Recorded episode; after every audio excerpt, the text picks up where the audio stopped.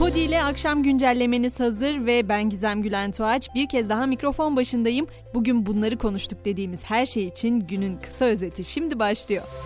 Bugün gözler Kazakistan'ın başkenti Astana'da Cumhurbaşkanı Erdoğan ve Rusya lideri Putin arasında yapılacak görüşmedeydi. İki lider bir buçuk saat süren görüşme öncesi kısa açıklamalar yaptı. Erdoğan, Akkuyu nükleer santralinin önemine dikkat çekerken Putin gaz tedarikinde Türkiye'nin Avrupa Birliği için en güvenli güzergah haline geldiğini söyledi. Putin, Türkiye'yi dünyanın en büyük gaz merkezi haline getirme niyetimizi belirledik diye konuştu. Hemen meclise dönelim çünkü dezenformasyon yasa teklifinin bir yıldan 3 yıla kadar hapis cezasını öngören 29. maddesi genel kurulda kabul edildi. Biliyorsunuz özellikle bu madde çokça tartışılmış hatta mecliste protestolara sahne olmuştu. Gerçeğe aykırı bilgi yayma suçunu düzenleyen bu madde CHP'li vekillerin alkışlı protestosuna neden olmuştu. Muhalefet özellikle bu madde nedeniyle yasaya sansür yasası adını veriyor. Yine bugün bu yasaya karşı açılan susmak yok etiketi de Twitter'da zirveye yükselmişti. Her ne kadar son zamanlarda gündemin gerisinde kaldığını düşünsek de Dünya Sağlık Örgütü Acil Durum Komitesi bugün Covid-19 gündemiyle toplanıyor. Örgüt Avrupa'da yeniden tırmanışa geçen salgında yeni bir dalganın yaşanabileceği uyarısını yapıyor. Fransa'da ise biliyorsunuz bir süredir akaryakıt grevini konuşuyoruz ama bu grev nükleer santrallere de sıçramış durumda. Fransa'da akaryakıt ve petrol rafinerileri işçilerinin sürdürdüğü greve nükleer santral çalışanları da katıldı. Maaşlarına %5'lik bürüt artış talep eden santral çalışanları iş bıraktı. Grevin elektrik üretimine olumsuz yansıması bekleniyor. Üniversite öğrencilerine verilecek ulaşım desteğinin ayrıntıları belli oldu. 25 yaş altı ailesinden uzakta eğitim gören lisans öğrencilerine yılda iki defa olmak üzere 500 liraya kadar gidiş dönüş ulaşım bileti sağlanacak.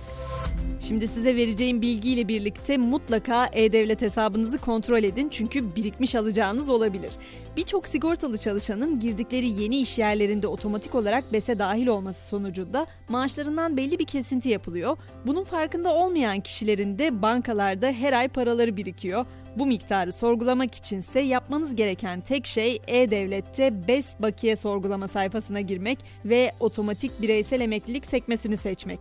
Ayrıca şahıs ödemeleri sayfasına girerek de rapor parası, doğum parası, süt parası, yol yardımı gibi meblaları sorgulayabilirsiniz. Mesela ben de sorguladım. Benim de rapor parası alacağım varmış. Alacaklı olanlar için hatırlatayım. Ödemeler PTT şubelerinden yapılıyor.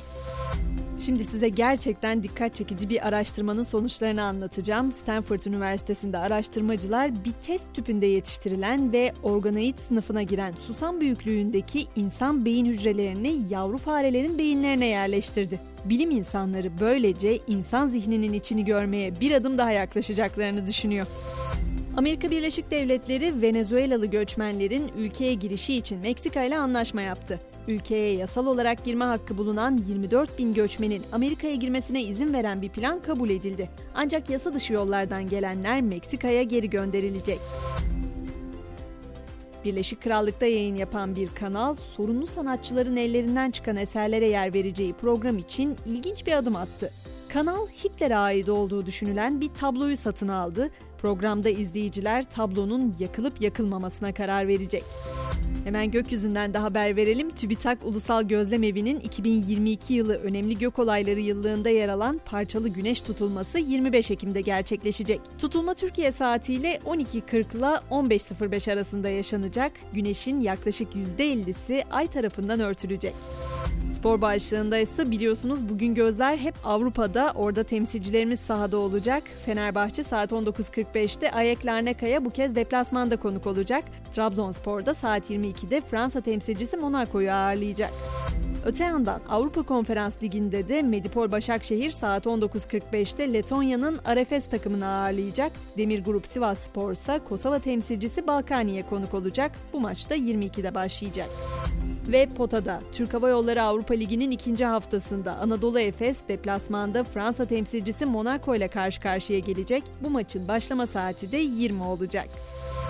Akşam güncellememiz de burada sona eriyor. Yarın sabah tekrar buluşuncaya kadar hoşçakalın.